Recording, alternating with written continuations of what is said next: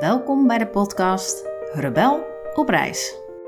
Dit is een podcast over op reis zijn en bij jezelf inchecken welke bagage je meeneemt voor onderweg.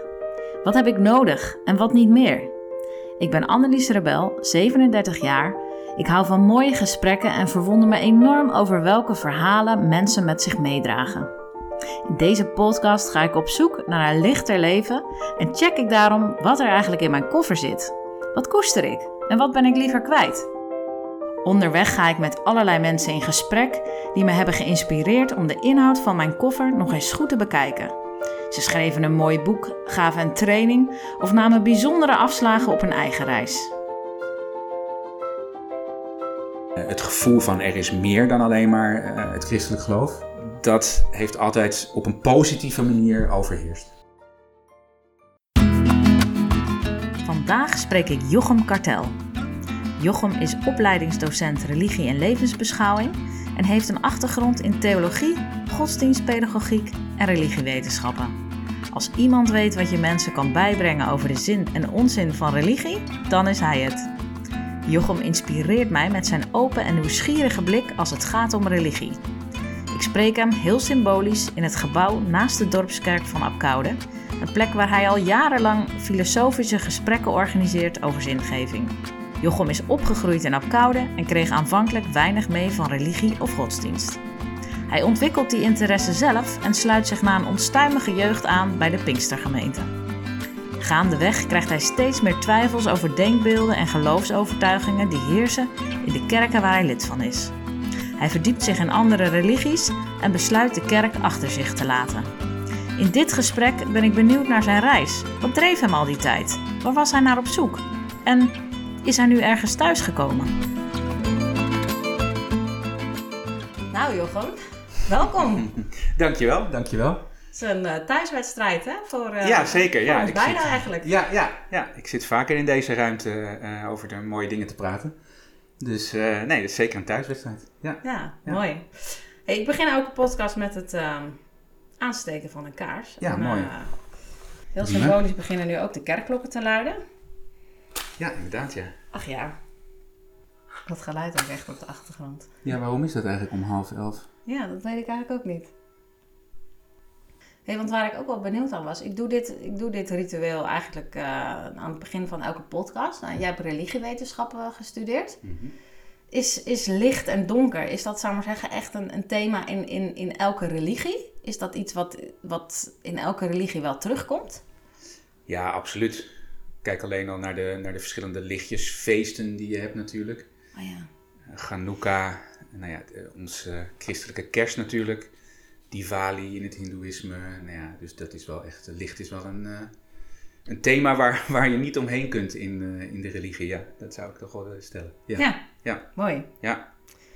hey, en um, word je eigenlijk religieus hè? Als je de opleiding religiewetenschappen doet? Ja, dat is een leuke vraag. Het cliché is natuurlijk dat, uh, tenminste in de kringen waar ik vandaan kom, uh, de Pinkstergemeente, volle evangelie of evangelische gemeente, dat als je theologie gaat studeren, dat je dan meestal van je geloof afvalt. Um, hè, dus als je vanuit die gedachte vertrekt, dan is het maar de vraag of je religieuzer wordt. Het grapje is dan ook natuurlijk altijd theoloog. Dus je krijgt allemaal uh, leugens te horen in de, in de theologie en je wordt uh, er wordt gezaagd aan de waarheden van, het, van de Bijbel enzovoort. Um, dus uh, veel mensen uit de kringen waar ik vandaan kom, zouden zeggen dat je, dat je daar niet heel veel beter van wordt. In bepaalde zin. Um, maar mijn, zeg maar, vragen stellen bij het christelijk geloof, bij mijn eigen geloof. Ja, ik zeg altijd, ik ben in mijn eigen ogen religieuzer geworden en geloviger geworden maar in de ogen van sommige anderen uh, juist niet, zeg maar. Nee, nee. Maar voor mijn gevoel ben ik, ben ik religieuzer geworden door mijn studie, ja. Hey, want je zegt uit de kringen waar ik vandaan kom, maar je bent helemaal niet opgegroeid met geloof, nee. en godsdienst en religie. Nee. Vertel, hoe is dat zo op jouw pad gekomen? Um, ja, mijn ouders stonden wel ingeschreven bij de, bij de kerk hier in Apkoude. Um, waar we nu tegenover zitten. Dus ik heb wel iets meegekregen, maar dat was toch wel bijna niets. Ehm, wij lazen bijvoorbeeld niet uit de Bijbel, we, we baden niet, we gingen niet naar de kerk. Maar mijn ouders stonden dan nog wel ingeschreven. We keken wel, kregen wel het kerkblaadje. Ehm, dus je zou kunnen zeggen dat ik een heel, heel klein beetje heb meegekregen. Ze deden mij op een christelijke basisschool, de CNS, waar onze kinderen uh, ook allebei uh, op zitten nu. En via de CNS kwam ik toen in contact met mensen die op zaterdagochtend een soort bijbelclub deden. Of een soort, gewoon een bijbelclub deden. En daar ging ik ook wel naartoe. En dat vond ik ook wel interessant. Maar ging je daar naartoe omdat je vriendjes daar gewoon naartoe ja, gingen? Of meer, vond je het zelf ook wel? Uh... Nou, een beetje van allebei. Dus het was vooral eerst een sociale aangelegenheid. Um, uh, maar ik vond het ook wel interessant. Ja. ik kan me van, um, van de CNS bijvoorbeeld, daar zongen we ook liederen. Dus in die zin heb ik best wel wat meegekregen. Dus op de, op, de, op de christelijke basisschool hoorde je veel bijbelverhalen. er werd gebeden. daar deden we dus, zongen we liederen. En ik kan me bijvoorbeeld nog herinneren dat Zoek eerst het Koninkrijk van God. Dat vond ik een heel mooi lied. Dat vond, ik echt prachtig. En dat, dat zong ik niet alleen maar um, van buitenaf, zou ik maar zeggen. Dus dat zong ik ook wel een stiekem een beetje van, uh, van binnenin. En wat zat er dan? Wat, wat, wat jou raakte? Ja, dat is, wordt een beetje stamelen dan, denk ik. Ja, sowieso de melodie vond ik mooi. Dus ja. uh, het lied, hè, dat, daar begint het vaak. Zoek eerst het koninkrijk van, nou ja, enzovoort. Um, ja, dus, um, nou ja, het idee van uh, dat er meer is dan we kunnen zien en waarnemen. Uh, dat het in het leven ergens om gaat. Eh, maar ook wel het zoeken misschien wel. Ja. Dus eh, voor mij is het zoeken belangrijker geworden. Um, en in die zin misschien ook wel de reis, even uh, gekoppeld aan jouw thema van jouw uh, podcast. Ja. Dus het zoeken en dat er een koninkrijk van God zou zijn, en dat vond ik wel uh, ja, mysterieus. En dat, klik, dat, dat raakte een snaar, laten we het zo ja. zeggen. Dat raakte ja. een snaar. En toen? Toen ging je naar de middelbare school? Ja, was ook trouwens weer een christelijke school. Ehm, dus daar hoorde ik ook wel weer opnieuw, hadden we godsdienstlessen. Ja. Dat was echt nog wel redelijk niet heel strikt, streng christelijk, maar dat was wel christelijk. Dus ook daar hoorde ik opnieuw over het christendom. Uh, raakte ik in contact of kreeg ik les van docenten die wel echt dat ook van binnenuit leefden. dus niet alleen maar van ja, dit is nou eenmaal de traditie en dat doen we. Maar echt ook dagopeningen en, en leraren die daarover uh, vertelden vanuit hun eigen leven en eigen ervaringen. Mm -hmm. dus ik merkte wel echt van deze docenten die. Uh, die leven dit echt. Ja. Ik weet nog dat ik een Franse lerares had. En die deed dus ook dagopeningen. En die zei bijvoorbeeld op een keer van... Ja, dat vind ik zo mooi aan het christelijk geloof... dat je altijd opnieuw kunt beginnen. Dus je kunt altijd weer opnieuw starten. En vergeving en, en dat. Dat was bijvoorbeeld een dagopening die, die mij bij is gebleven. Ja. Ik dacht van, oh, dat is mooi. Dus als je er een potje van maakt... en dingen verkeerd doet enzovoort... dan is er altijd weer een nieuwe kans. En er is vergeving en... Uh, nieuw leven. Uh, ja. Dus dat heeft wel, denk ik, wel iets, iets bij me gedaan of zo. De godsdienstdocent die sprak mij ook wel aan en die zette me wel aan het nadenken. En die vertelde mij volgens, of die vertelde iets over um, dat je ook kon, kon mediteren met de Bijbel. Toen dacht ik, ah, dit, dit, is interessant, daar heb ik nooit, nooit van gehoord. Ik dacht altijd mediteren, hè, oosters en zo. Maar die vertelde, nee, je kan ook uh, mediteren met de Bijbel. Um, en toen uh, heeft hij daar wat over verteld. En toen ben ik dat thuis ook gaan doen. dus toen was ik 15 of zo.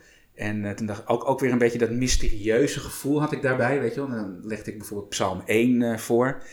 En dan dacht ik van nou, wat gaat er nu gebeuren, weet je wel. Dus dan ging ik dat lezen en een beetje stil zijn. En dacht ik nou, dit is toch wel mysterieus of zo, hè.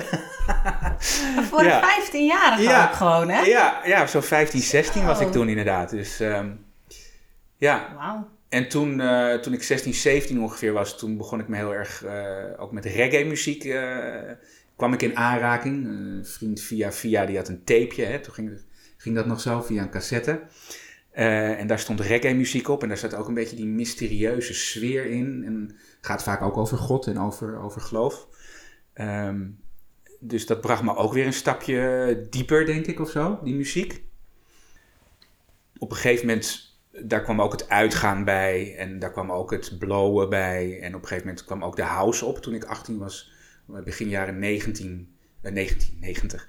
Begin jaren negentig kwam de house op en daar raakte ik hier in, hier in Apkoude. was echt een groepje ook die, eh, nou ja, een groepje vrienden die echt wel ook reggae luisteren, blowen, uitgaan op een gegeven moment. Uh, toen op een gegeven moment dacht ik van ja, wil ik mijn hele leven zo doorleven? dus op een gegeven moment kwam daar zo'n kantelmoment dat ik dacht van ja, oké, okay, Jochem, wat gaan we precies doen, weet je wel?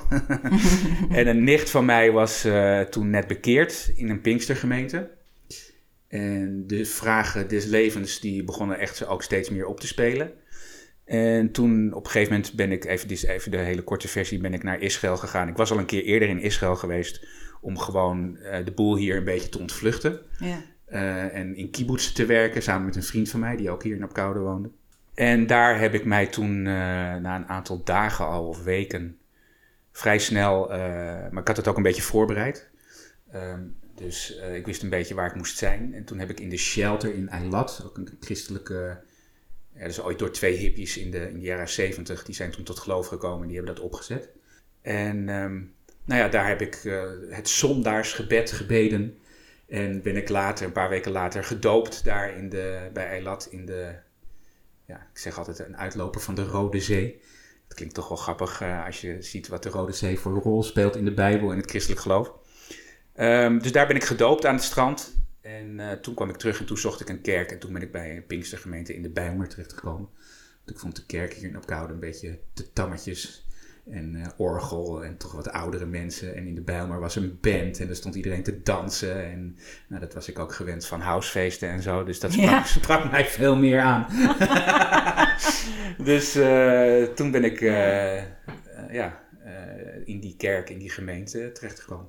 Maar wat was ten liefste de keus die je toen maakte? Je, je wilde iets achter je laten, je mhm. wilde iets loslaten. Waar ging het over voor jou? Ja, dat is een goede vraag. Um, een van de dingen die speelde was van ik wilde op een andere manier leven. Uh, dus ik was een beetje klaar met uh, elk weekend uitgaan en uh, naar de kloten gaan, om het even oneerbiedig te zeggen. Ja. en dat werd een beetje leeg op een gegeven moment. Ja. Dus dat is één ding wat meespeelde. Dus je wilde een iets vervulder leven? Ja, ja, ja. En ik was wel heel erg op zoek ook. Dus dat, dat was ook een proces wat, wat gaande was. Op zoek naar? Um, ja, op zoek naar, naar de zin van het leven. Op zoek naar levensvervulling. Uh, ook wel misschien op zoek naar een soort van thuiskomen in het, in het leven. Ja. Uh, mijn plek vinden. Dus ik was wel onrustig. Een en ander achteraf gezien heeft het ook wel te maken met mijn nou ja, levensverhaal. Ja, ook wel dingen meegemaakt die ervoor hebben gezorgd, denk ik, achteraf, dat ik zo zoekerig ben geworden. Ja. en dat ik ook wel echt behoefte had aan houvast. Ja, dus ik, ik verklaar dat ook wel vanuit mijn levensverhaal, psychologisch, ja. nu dan omdat je eigenlijk een, misschien in je jongere jaren een gebrek aan houvast hebt gehad. Ja, ja. ja. Dus um, laten we zeggen een wat wiebelig fundament zou je kunnen zeggen. Ja, ja. En dat heeft er ook voor gezorgd dat ik, dat ik uh, al vrij snel wel op zoek ben gegaan. Ja. ja. Hey, en uh, was je gewoon uh, gelukkig en had je gevonden wat je, waar je naar op zoek was in die, in die Pinkstergemeente? Nou ja, aanvankelijk dacht ik dat wel. Maar gaandeweg de jaren uh, werd dat besef anders. Ging ik twijfelen aan dingen. Noem eens een voorbeeld waar je aan ging twijfelen. Um, nou ja, ik ging tegelijkertijd ook studeren dus. Dus ik ging ook oh meer leren over de Bijbel en over theologie enzovoort. Dus bijvoorbeeld hoe die gemeente in elkaar zat, waar, waar toch heel veel macht lag bij de voorganger. Uh, dat was een van de dingen waar ik steeds meer moeite mee kreeg. Hm. Um, en op een gegeven moment ook, um, uh, ja, toch wel ook, ook, wel aan theologische dingen. Um, uh, dus in die zin zit er wel een kern van, van waarheid in dat als je gaat studeren, dat je ook sommige dingen ter discussie gaat stellen. Maar, dat en had, was daar de ruimte voor? Um, Want jij nou, bent wel nou, iemand die dingen ter discussie stelt. ja, ik. zeker. Die daar gewoon uh, zijn ja. mond over opentrekt. Ja, dat klopt. En dat heb ik op een gegeven moment ook gedaan. En dat werd me niet echt in dank afgenomen. Nee. Nee. Uh, en het ligt misschien ook wel aan de manier hoe ik dat dan doe hoor. Want dan kan ik, uh, zeker vroeger in die tijd, kon ik dat vrij ja, recht voor zijn raap eh, doen. Ehm, dus ik heb op een gegeven moment daar ook wat dingen aangekaart. En dat, dat is toen op een gegeven moment echt wel tot een soort conflict gekomen. Hm. Ja. Ehm, Waarom denk je dat het je niet in dank werd afgenomen? Je kan ook zeggen, oh, maar mooi inzicht, Jochem. ja, Ja, we denken er anders over, maar oh ja, we kunnen erover in gesprek gaan. Of, eh, Ja, ja. Nou ja, dat is toch een beetje de cultuur in zo'n kerk. Van ehm, de voorganger is toch de baas en degene die weet hoe het zit. ja. Eh, en dingen betwijfelen, ja, is niet iets wat nou heel erg wordt aangemoedigd, zeg maar, in zo'n cultuur. Hm. Eh, Soms werd het misschien ook wel in dank afgenomen hoor. Van oké, goed om eh, daarover na te denken. En ja, je kan het ook opvatten als een verdieping van het geloof. En, een verdieping in bijbelstudie of zo. Ehm, Want was voor, voor jou op dat moment, zat jij op de weg van verdieping van je eigen geloof? Of was je eigenlijk al op de weg om daar afstand van te nemen? Op dat moment. Ehm, op dat moment was ik voor mijn eigen besef in ieder geval bezig met het verdiepen van mijn eigen geloof. Ja. Ja. Oké. Ja. Dus nou ja, dat leidde tot een conflict. Je ging weg. Ja. En toen? Toen ben ik een, eh, een stapje lichter gegaan, zullen we maar zeggen. Dus eh, van een Pinkstergemeente naar een evangelische kerk. Mhm. Eh, waar, ja, waar het iets rustiger is. Dus iets minder gedanst, of eigenlijk helemaal niet. Wel nog staan en de handen in de lucht, hè, zoals dat daar gaat. Mhm. Ehm, eh, minder nadruk op de gaven van de geest, het spreken in tongentaal, allemaal dat soort dingen. Minder die extatische beleving. Ehm, ja, dus ik noem het maar wat, wat rustiger allemaal. Ehm, dus daar ben ik toen ook een heel aantal jaren eh, geweest. Eh, toen kwamen er ook kinderen op een gegeven moment. En eh, ja, daar heb ik toen mijn plekje gevonden voor een, voor een periode. Ik ben daar ook, ook oudste geweest, of ouderling. Wij noemen dat oudste dan daar in de kerk. Ja. En ehm, ja, ook wel bijbelstudies gegeven en gepreekt en muziek gemaakt, dat soort dingen. Oh, je kon daar echt je ei kwijt. Ja, absoluut. Ja. Ja. En kon je ook je, je nieuw verworven theologische inzichten daar, zal maar zeggen, eh, kwijt? Of had dat daar een plek? Want je preekte ook. Ja, eh, dus, ja, ja eh, zeker, zeker. En daar stond ja. men ook meer open voor, voor dat soort dingen. Voor kritisch, wat kritischer nadenken. En eh, de voorganger daar heeft ook zelf theologie gestudeerd. Ja. Dus is bekender met discussies over bepaalde zaken. En toen, want op een gegeven moment is dat, want nu lijkt het van, nou, einde verhaal. Ja. Jochem zit lekker op zijn plek en Ja. eh, dit, dit was het, zal ik maar zeggen. Hè? Maar dat was het toch nog niet. Nee, nee, dat klopt. dus ehm, eh, gaandeweg, eh, zoals al eerder geschetst, bleef ik doorstuderen. Ja. En ook door, door met, doorgaan met, met nadenken. En ehm, ja, op een gegeven moment begonnen een aantal dingen bij elkaar te komen. Dus ehm, wetenschappelijke theorieën, evolutietheorie bijvoorbeeld. Eh, is de wereld echt in, eh, in zes dagen ontstaan? Hoe zit het met dat scheppingsverhaal? Moeten we dat letterlijk lezen of niet letterlijk? Dus eh, de invloed van de wetenschap heeft een rol gespeeld in dat ik nog meer begon te twijfelen. Ehm, ik ben toen voor mijn studie op reis gegaan naar India. En dat was vanuit het idee van interreligieuze dialoog. Mhm. Ehm, eh, ja, daar zag ik natuurlijk ook eh, van, van alles en nog wat. Eh, niemand was daar bezig met het christendom. Ehm, je zit aan de andere kant van de wereld. De meeste mensen zijn daar hindoe. Ja, dat gaat ook relativeren. Dat je denkt van oké, mijn hele wereld draait om Christus en om het christelijk geloof. En de Bijbel. En hier maakt, is daar zo'n beetje... Natuurlijk zijn er wel een aantal christenen in India, maar niet veel. Dus je kunt in het algemeen zeggen... niemand is daar überhaupt bezig of maakt zich druk over de Bijbel... of over Jezus of weet ik wat. Ja, dat relati- relativeert gewoon heel erg. Dat je denkt, oké, mijn hele wereld draait hier om. En ga je naar de andere kant van de wereld... dan is helemaal niemand zo goed als daarmee bezig. Dat relativeert. En was het een soort van prettige relativering? Of was het ook een soort van shock eigenlijk? Van, hè? Ik heb de hele tijd iets super belangrijk gevonden. Ja. En ja, Nee, ik heb, ik heb gaandeweg dat hele proces. Heb ik toch. Het is ook twijfel geweest en ook moeilijk enzovoort. Maar het bevrijdende aspect ervan. dat overheerste toch eigenlijk continu. ja. Dus het opengaan van, de, van mijn wereld. Het groter worden van mijn wereld. en mijn horizon, dat heb ik altijd als heel prettig ervaren en uitdagend en als iets wat goed is, zeg maar. dus dat heeft altijd overheerst. En ook in dat proces in India. Dus ja, hoe moet je dat precies zeggen?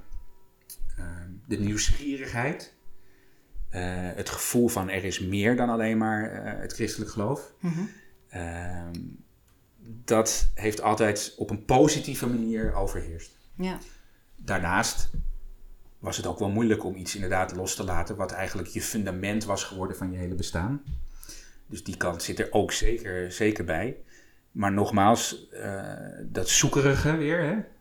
Um, um, ik vind ook, uh, Paulus zegt in het Nieuwe Testament ergens van uh, dat wij al tastende God mogen vinden.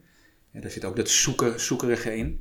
Dus, dus st stil blijven staan en dit is het, hè, dat statische, um, voelt voor mij minder prettig dan blijven groeien, dat dynamische, ja. blijven zoeken, blijven twijfelen ook.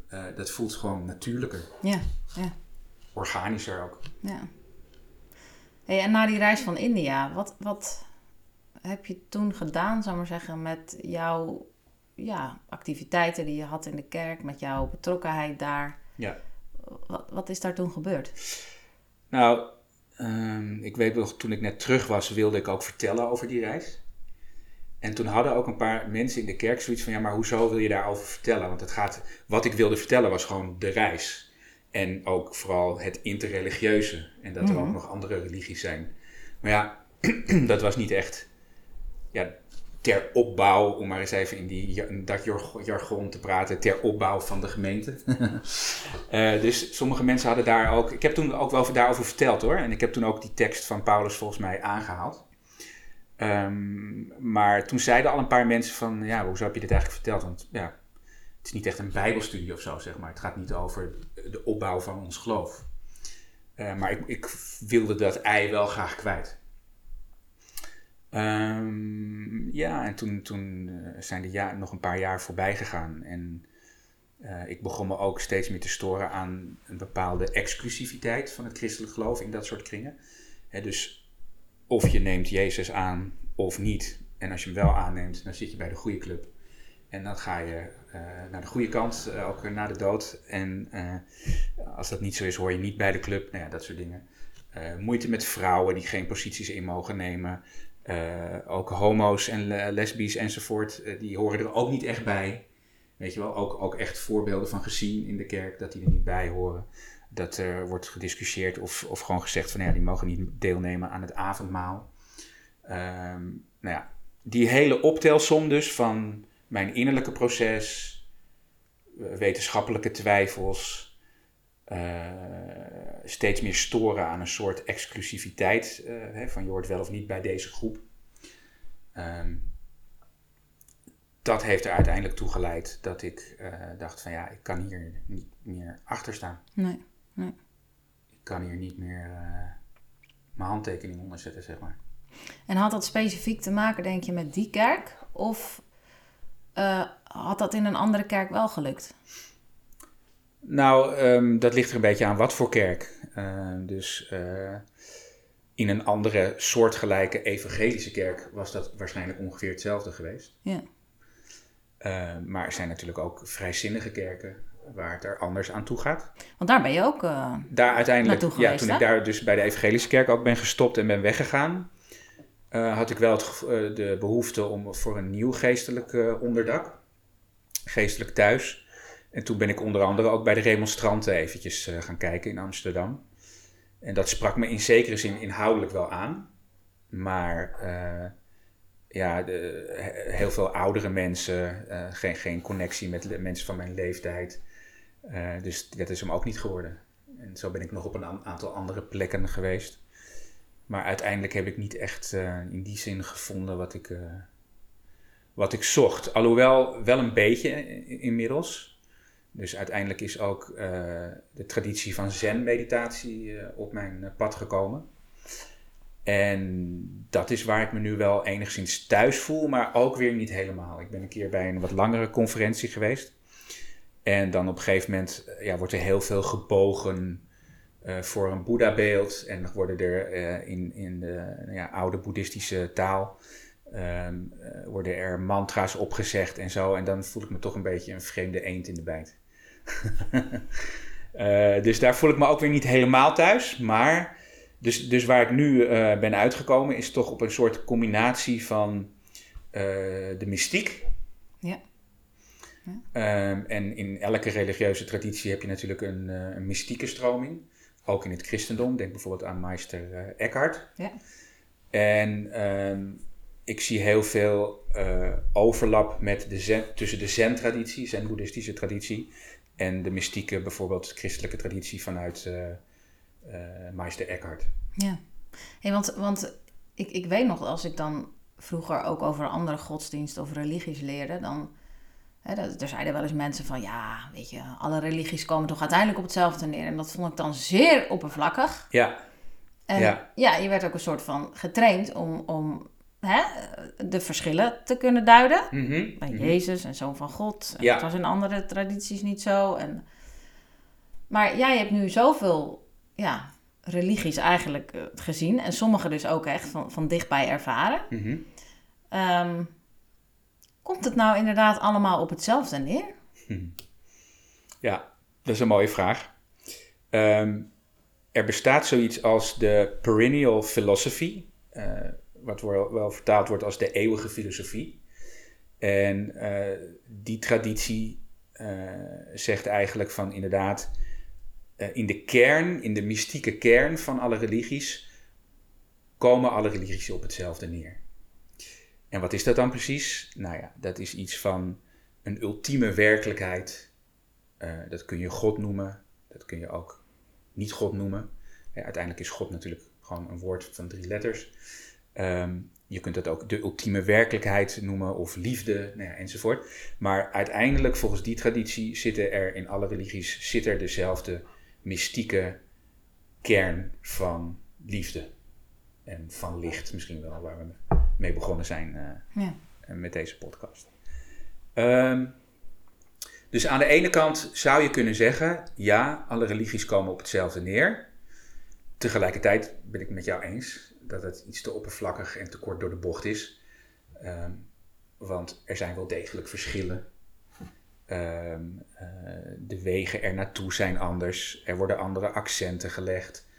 Ehm, dus het is een beetje zo'n vraag met een ja en nee antwoord. Ja. Zoals de meeste vragen zijn. Ja, de meest interessante vraag. ja, ja, ja, precies. Ja. Ja, dus, dus ik, ik geloof wel, ben wel geneigd om te zeggen, en ik vind het, ik, ja, heb die, die mystieke traditie van Meister Eckhart, bijvoorbeeld binnen het christendom, die vind je ook in de Soefi-traditie binnen de islam, met bijvoorbeeld iemand als eh, Rumi. Ja. Ehm, en ja, in de Zen-traditie, waar ik nu wat meer vanaf weet, eh, ja, is er echt veel wat er zeer op lijkt ook. Ehm, ja, ook Maar dat is toch wel eigenlijk heel erg mooi. Tenminste, ja, Ja, ik heb altijd vanuit de verschillen gedacht. Maar ik vind Ja. dit soort dingen juist heel mooi, omdat, omdat Ja. je de overeenkomsten ziet. Nee, dat, dat, dat, dat is ook zo. Dat is ook zo. Veel van mijn studenten die zeggen ook vaak van ja, moeten we niet, na- niet meer de nadruk leggen op de overeenkomsten tussen de religie, Ja. religies. Hè, tegenwoordig is diversiteit natuurlijk een eh, belangrijk eh, thema. En bij diversiteit heb je het ook juist over de verschillen. Maar studenten zeggen vaak, ja, maar moeten we daar niet, is het niet beter om die verschillen, hè? we zijn al zo eh, gepolariseerd als samenleving, moeten we niet juist die, die verschillen niet veel benadrukken en juist de overeenkomsten benadrukken? Ja. Nou, er zit zeker wat in. Ik denk dat je die verschillen ook niet moet wegpoetsen. Maar ehm, het is ergens denk ik heel erg mooi. Eh, dat alle religies in zekere zin een soortzelfde eh, kern hebben. En, en zelfs zou je kunnen denken, eh, voorbij religie, ook als ik, eh, ehm, dat, dat had ik bedacht voordat ik, toen ik een beetje nadacht over deze podcast en nou ja, wat misschien goed zou zijn om te zeggen. Ehm, in de godsdienstpedagogiek is een van de beelden, als je met kinderen en jongeren op weg gaat binnen de context van religie en pedagogiek, godsdienstpedagogiek, dat, dat, dat je dat kunt zien als een pelgrimage rondom het mysterie van het bestaan. Wauw. En dat vind ik inderdaad een heel mooi, heel mooi beeld. Ehm, sluit ook aan mooi bij jouw thema van eh, op reis. Eh, kijk, en als je zegt we gaan op reis met elkaar rondom het mysterie van het bestaan, dan horen dus opeens ook de niet-religieuze erbij. En ik ben dus heel erg van dat iedereen erbij mag horen. Ja, ja. en dat is dus ook een van de redenen waarom ik dus weg ben gegaan uiteindelijk uit bepaalde hoeken en tradities. Want, want heeft religie überhaupt wel zin? Het is, zou maar zeggen, een manier, uh, als ik het dan even zo zou samenvatten, om bij dat mysterie van het bestaan te komen. Mogelijk. Ja. Een weg er naartoe. Ja, ja, precies. Terwijl um, ik, inmiddels denk ik wel dat je religie niet per se nodig hebt om bij dat mysterie van het bestaan te komen. Ja. Uh, hè, dus uh, een voorbeeld als een uh, beetje cliché misschien, maar als een kind wordt geboren.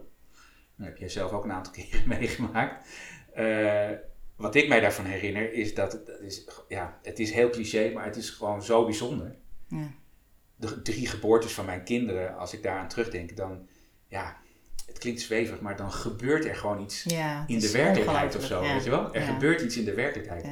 En ik heb van mensen die veel met uh, mensen die doodgaan hebben gewerkt, heb ik ook begrepen dat er iets, nou ja, quote unquote, gebeurt, tussen aanhalingstekens, gebeurt in de werkelijkheid. Er gebeurt iets. Er is een soort ja, transitie of zo. Het is, het is echt niet alleen maar terug te brengen, wat mij betreft, tot uh, de zuivere biologie. Biologie die daar aan de hand is van, oké, er is voortplanting, uh, er wordt nu een nieuw uh, wezen geboren met nieuwe cellen enzovoort. Het gaat echt veel verder dan dat. Ja. Zowel bij de geboorte als bij de dood zijn dus mensen die daar heel veel mee te maken hebben, die, die, ja, die, die hebben dat zo ervaren. En ik heb dat bij de geboorte ook zo ervaren. Dus, maar daar hoef je natuurlijk helemaal niet religieus voor te zijn. Nee. Om dat zo te ervaren. Um, hè, dus uh, een centleraar die heeft die, zegt, die zegt, die ik dan redelijk goed ken en ook veel van lees, die zegt ook van ja, wij weten helemaal niet wat er gebeurt bij de geboorte. dus dat, dat niet weten, dat is voor mij ook een thema geworden. dat zit natuurlijk ook heel erg in de mystiek en ook in de zen-traditie. Het niet weten in plaats van het weten.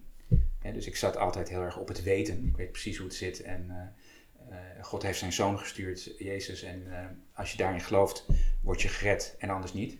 Mm -hmm. nou ja, en nog meer van dat soort dingen van dat hele stellige weten ben ik veel meer overgegaan naar een, een niet weten.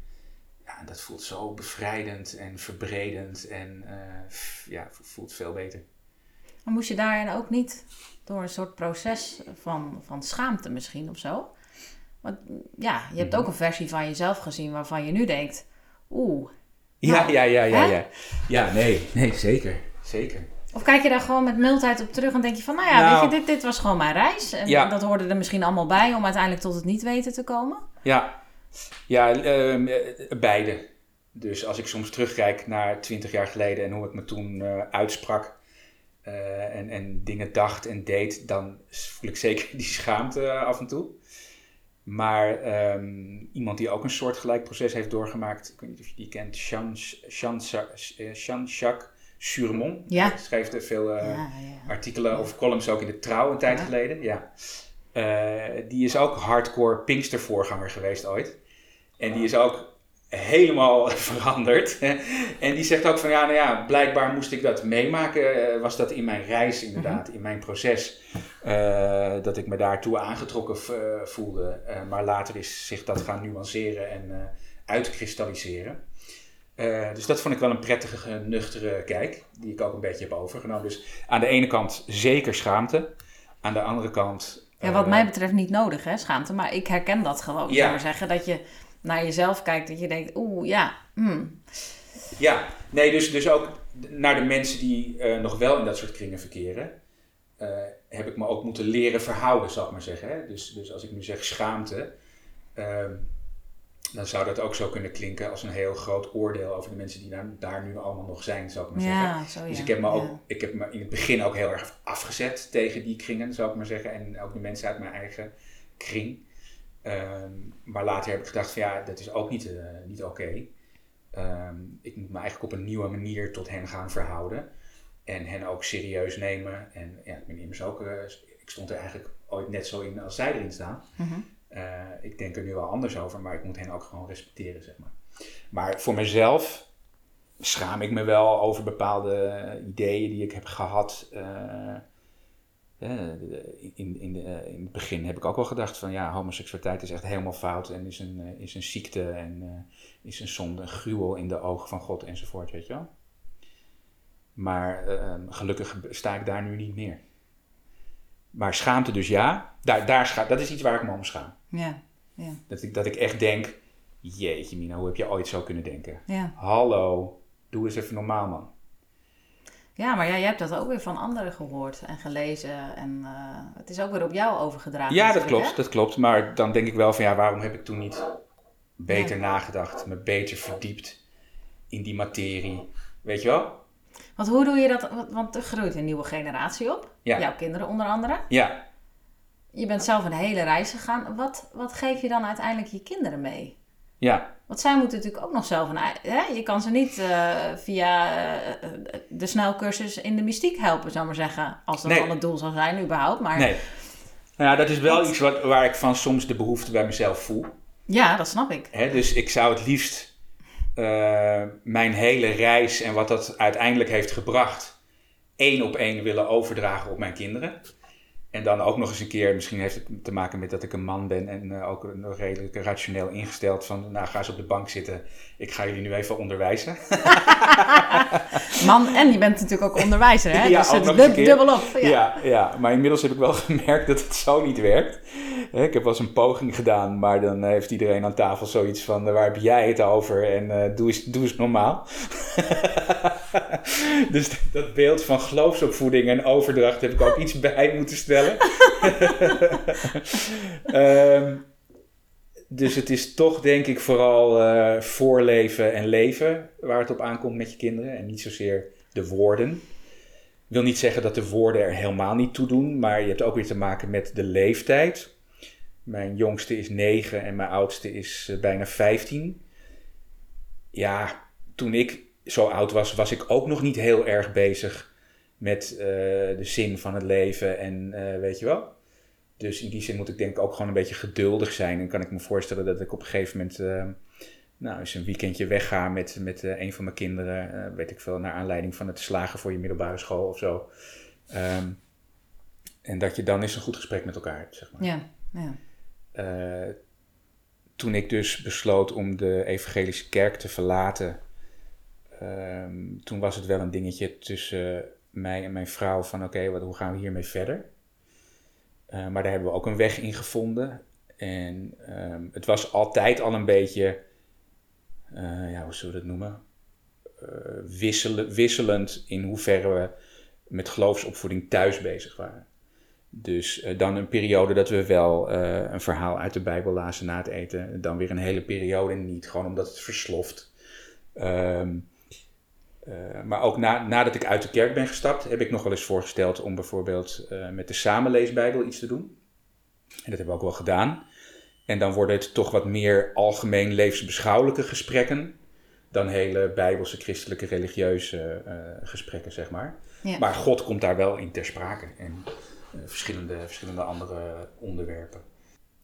Maar ik vind geloofsopvoeding ingewikkelder dan ik aanvankelijk had gedacht. en dat, Misschien en dat- omdat opvoeding überhaupt ingewikkelder is dan je. zeker, zeker, zeker.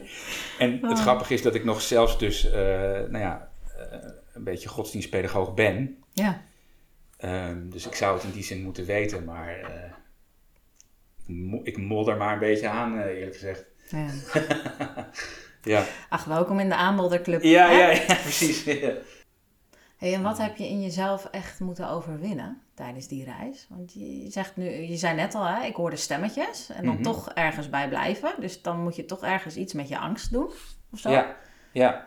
Zijn er nog meer van dat soort dingen waar je, wat je echt hebt moeten overwinnen om, om, om, om verder op reis te blijven en Mhm. dicht bij jezelf te blijven? Nou ja, ergens diep van binnen zat dus wel al van. ehm, uiteindelijk is deze reis, waarbij ik dus een heleboel, heleboel moet loslaten en wat moeilijk is. Mhm. Ergens diep van binnen zat daar overheen een overtuiging of een, st- nou, een luidere stem die toch zei van ja, maar dit is goed. Ja. Dit is, dit is trouw zijn aan jezelf. Dit is niet zomaar meelopen met de massa. Eh, dit is echt ook ja, ja, een enkeling zijn. Hè? Ehm, Kierkegaard, filosoof Kierkegaard heeft het daarover, over de massa en over dat je een enkeling moet zijn. Ehm, dus ja, ik heb getwijfeld. Ja, het was eenzaam. Ja, het was angstig soms ook. Maar er was een sterkere stem die zei van ja, dit is, dit is goed, deze weg is goed. Je moet niet zomaar met de massa meegaan. Je moet trouw zijn aan jezelf. Je moet zelf blijven nadenken. Ehm, ja, en op een gegeven moment dan, is dat, dan vervaagt, vervagen ook die twijfels en die moeite en die worsteling. En op een gegeven moment zoek je natuurlijk ook meer gelijkgestemden op. Mhm.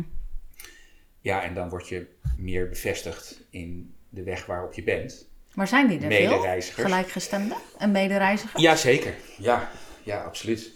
Soms wel een beetje zoeken. Maar eh, ik heb veel gelijkgestemden gevonden. Eh, ja, en die waar dus zeg maar de mensen die je achterlaat kritisch zijn op jou. Daar krijg je, nou ja, wat zullen we zeggen, liefde en bevestiging van deze mensen. Ehm, dus eh, ik heb ook heel veel bevestiging gekregen van mensen in de keuzes die ik heb gemaakt en de reis die ik ben gegaan. Van medereizigers zou je kunnen zeggen. Ehm, dat heeft me wel heel, heel veel eh, goed gedaan, zeg maar. Ja. Ja. Ja. ja. Hey, waardoor voel jij je op dit moment ja, gedragen in het leven? Nou, ehm, je had ook gezegd van eventueel mag je een tekst eh, meenemen. En dat heb ik gedaan. Ik weet niet of je het hebt meegekregen in het nieuws, maar vrijdagavond, eh, vrijdag op zaterdag, eh, dus, dus twee dagen geleden, is eh Thich Nhat Hanh overleden. Ja. Een eh, Vietnamese boeddhistische zen-monnik. Ja. Ehm, van hem wordt gezegd dat hij de tweede in, in rang is of belangrijkheid, belangrijkheid na de Dalai Lama. Ehm, ik heb hem ook in mijn studie eh, leren kennen, in mijn studie eh, religiewetenschappen. En ook eh, een boek, werk van hem gelezen. En ik dacht van nou, omdat het zo recentelijk is gebeurd, eh, dat hij is overleden, is het misschien wel mooi om een, om een quote van hem te noemen. Ehm, die is in het Engels, is dat oké? Tuurlijk. This body is not me. I am not limited by this body. I am life without boundaries. I have never been born and I have never died. Look at the ocean and the sky filled with stars, manifestations from my wondrous true mind. Since before time, I have been free. Birth and death are only doors through which we pass sacred thresholds on our journey. Birth and death are a game of hide and seek. So laugh with me, hold my hand, let us say goodbye. Say goodbye to meet again soon. We meet today. We will meet again tomorrow. We will meet at the source every moment. We meet each other in all forms of life. Wow, Ja, dat is echt gigantisch. ja dat vond ik ook. Zo. Ehm, dus als je zegt van wat, wat draagt jou, Ja. dan ehm, ja, ben ik via, via mystiek en, en zen voornamelijk. Ehm, ja, dan wordt het een beetje stamelen natuurlijk. Maar uitgekomen bij, ja, en nogmaals, nu, wordt het zoeken naar woorden. Maar ehm, laat, ik, laat ik een ander voorbeeld geven. Eh, er is een, eh, een Jezuïet eh, priester die lang geleden naar Japan, meen ik, is gegaan. En daar ook met de zen-traditie in aanraking is gekomen. En die geeft dan een, een christelijke duiding van een, van een zen-ervaring. En die zegt dus, op een gegeven moment zit hij in meditatie. En dan ervaart hij, en ook dan zegt hij letterlijk van ja, begint hij te stamelen. Maar dan ervaart hij dat hij niet alleen maar dit kleine zelf is, maar dat hij een groot zelf is eigenlijk. Verbonden met alles. Eh, en hij duidt dat dan christelijk Dus uh, hè, de, de, de naam van God in de Bijbel is, uh, hè, wordt vaak vertaald met ik ben. Mm-hmm. En hij zegt dan dus eigenlijk van ja, oké, okay, Jezus zegt trouwens ook, hè, ik ben. Um, dus dat ik ben is eigenlijk wat hij dan, hoe hij die ervaring duidt. Dus ik ben als Jochem dit, deze persoon, dit individu. Dat is ons kleine zelf. Maar wie we ten diepste zijn, ja. onze diepste ware natuur, is die grote ik ben. Er is iemand anders die heet Hein Stufkens. Ja. Ken je die? Ja. Oké. En die, die heeft een gedichtje, wat zei Filosoof, hè? Ja, ja. Hein Stufkens. Ja. en ook een beetje in die, in die, hoek van mystiek enzovoort. En die, heeft, die woont in uh, Katzand, in uh, Zeeland. En die heeft een heel, heel, klein gedichtje. En dat gaat zoiets van uh, dat er twee golven zijn uh, en die spoelen aan bij het strand en die zeggen zoiets van tegen elkaar van help, we vergaan. Maar dat is helemaal niet zo, want uh, ze zijn niet die golven, maar ze zijn de, ze de, zijn, de oceaan, dus, de zee, ja, zeg maar. ja, uh, dat is een mooie vergelijking, ja. Ja, ja, precies, precies. Dus, um, is dat dan ook waar je je uiteindelijk in gedragen voelt? In, de, in dat grotere ik ben, zou maar zeggen. Ja, ja, dus dat, zo zou je dat, samen kunnen vatten. Ja. dus wow. waar voel je je door gedragen dat ik ja, dat ik de zee ben uiteindelijk. En dat ik dat grote ik ben ben en niet het kleine jochempje. Dus, dus dat er ergens een plek is waar, uh, ja, weer iemand anders noemt het in, in het Engels, the greater belonging. dus dat je eigenlijk een beetje weggaat bij dat kleine zelfje, dat kleine ikje. En dat je op een plek komt waar je ja, bij dat grotere zelf terechtkomt.